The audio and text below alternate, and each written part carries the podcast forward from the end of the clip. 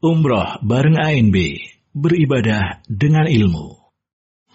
Innal hamdalillah nahmaduhu wa nasta'inuhu wa nastaghfiruh wa na'udzu billahi min shururi anfusina wa sayyiati a'malina. Man yahdihillahu fala mudilla wa man yudlil fala hadiyalah. Wa ashhadu an la ilaha illallah wahdahu la syarika lah. Wa ashhadu anna Muhammadan 'abduhu wa rasuluh.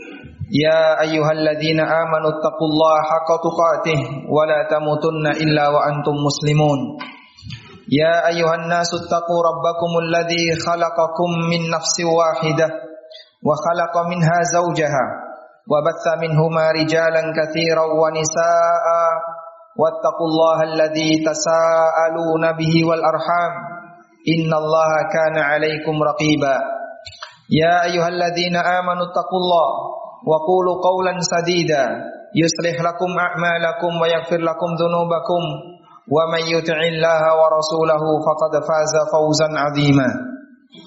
أما بعد فإن أصدق الحديث كتاب الله وخير الهدى هدى نبينا محمد صلى الله عليه وسلم وشر الأمور محدثاتها فإن كل محدثات في الدين بدعة وكل بدعة ضلالة وكل ضلالة في النار. Wa usalli wa usallim ala nabiyyina Muhammadin wa ala alihi wa sahbihi ajma'in. Hadirin jamaah Jumat dimakan Allah Subhanahu wa taala. Allah Subhanahu wa taala memberikan perintah. Setelah muslim beribadah hanya kepada Allah, menegakkan tauhid, selanjutnya mereka diperintahkan untuk berbuat baik kepada sesama makhluk. Tidak terkecuali adalah berbuat baik kepada tetangganya. Allah Subhanahu wa taala berfirman, di surat An-Nisa ayat yang ke-36. Wa'budullaha wa la tusyriku bihi syai'a. Sembahlah Allah semata dan janganlah kamu menyekutukan Allah dengan sesuatu apa pun. Wabil walidaini ihsana wabidil qurba wal yatama wal masakin dan berbuat baiklah kepada orang tuamu demikian pula kepada kerabat dekatmu anak yatim orang-orang miskin kemudian Allah katakan wal jaridil qurba wal jaril junub dan berbuat baiklah kepada tetangga yang dekat maupun tetangga yang jauh. Kita perhatikan di sini. Allah taala perintahkan kita untuk berbuat baik kepada beberapa deretan makhluk mulai dari orang tua, kerabat dekat, anak yatim, orang miskin termasuk tetangga. Setelah Allah perintahkan kita untuk mentauhidkan Allah taala. Setelah Allah perintahkan kita untuk tidak menyekutukannya. Sehingga ini menunjukkan bahwasanya perintah berbuat baik kepada makhluk adalah perintah yang besar sehingga Allah sebutkan setelah Allah perintahkan untuk mentauhidkan Allah Subhanahu wa taala. Dan disebutkan dalam banyak hadis di mana Nabi sallallahu alaihi wasallam melarang keras bagi kaum muslimin untuk mengganggu tetangganya. Di antaranya disebutkan dalam hadis riwayat Bukhari dari Abu Shuraih radhiyallahu anhu, Nabi sallallahu alaihi wasallam bersabda, "Wallahi la yu'min Wallahi la yu'min. Wallahi la yu'min. Demi Allah tidak beriman.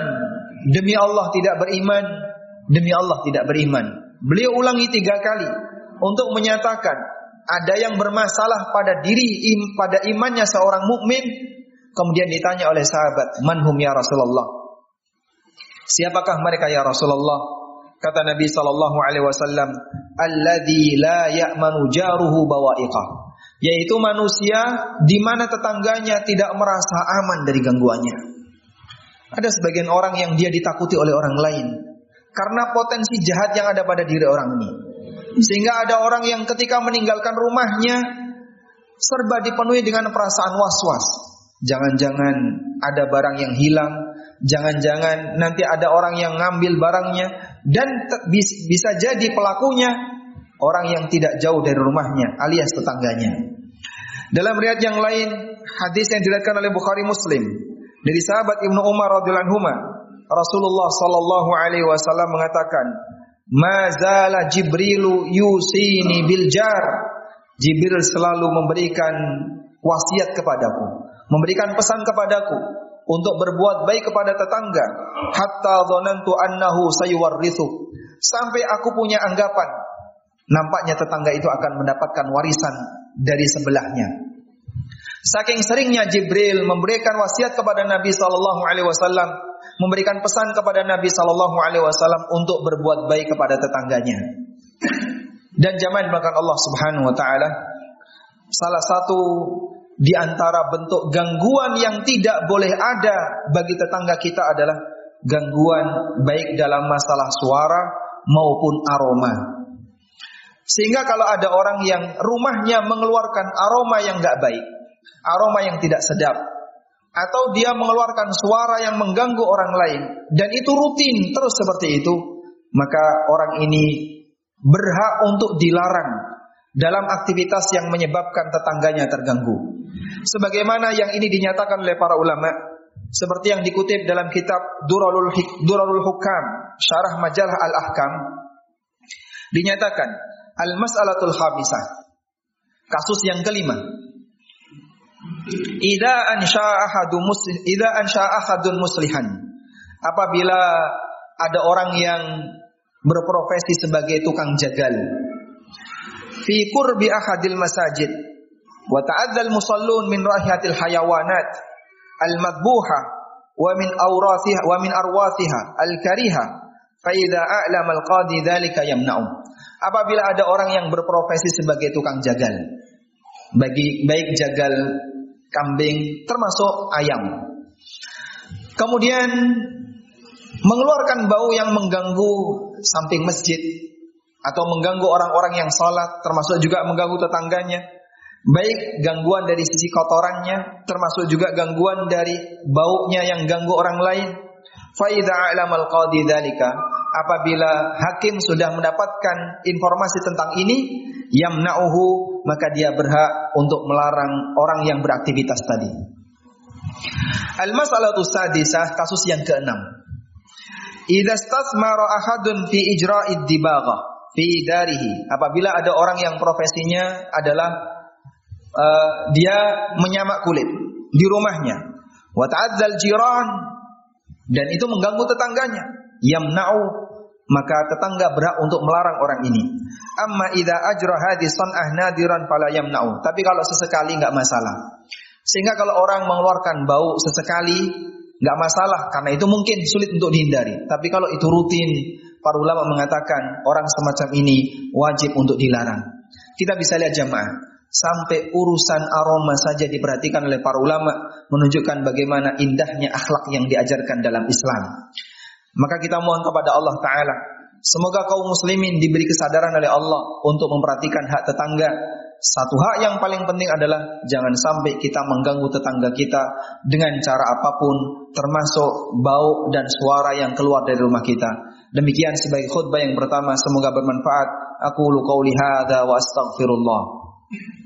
Alhamdulillahi wa kafa Wassalatu wassalamu ala rasulil mustafa وعلى آله وصحبه ومواله وأشهد أن لا إله إلا الله وحده لا شريك له وأشهد أن محمدا عبده ورسوله يا أيها الذين آمنوا اتقوا الله حق تقاته ولا تموتن إلا وأنتم مسلمون Hadirin jamaah Jumat bahkan Allah Subhanahu wa taala.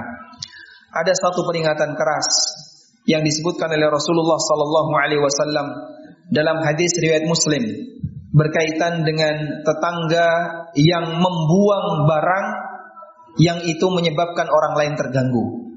Baik bentuknya barang najis seperti kotoran dan mungkin tidak jauh berbeda adalah sampah.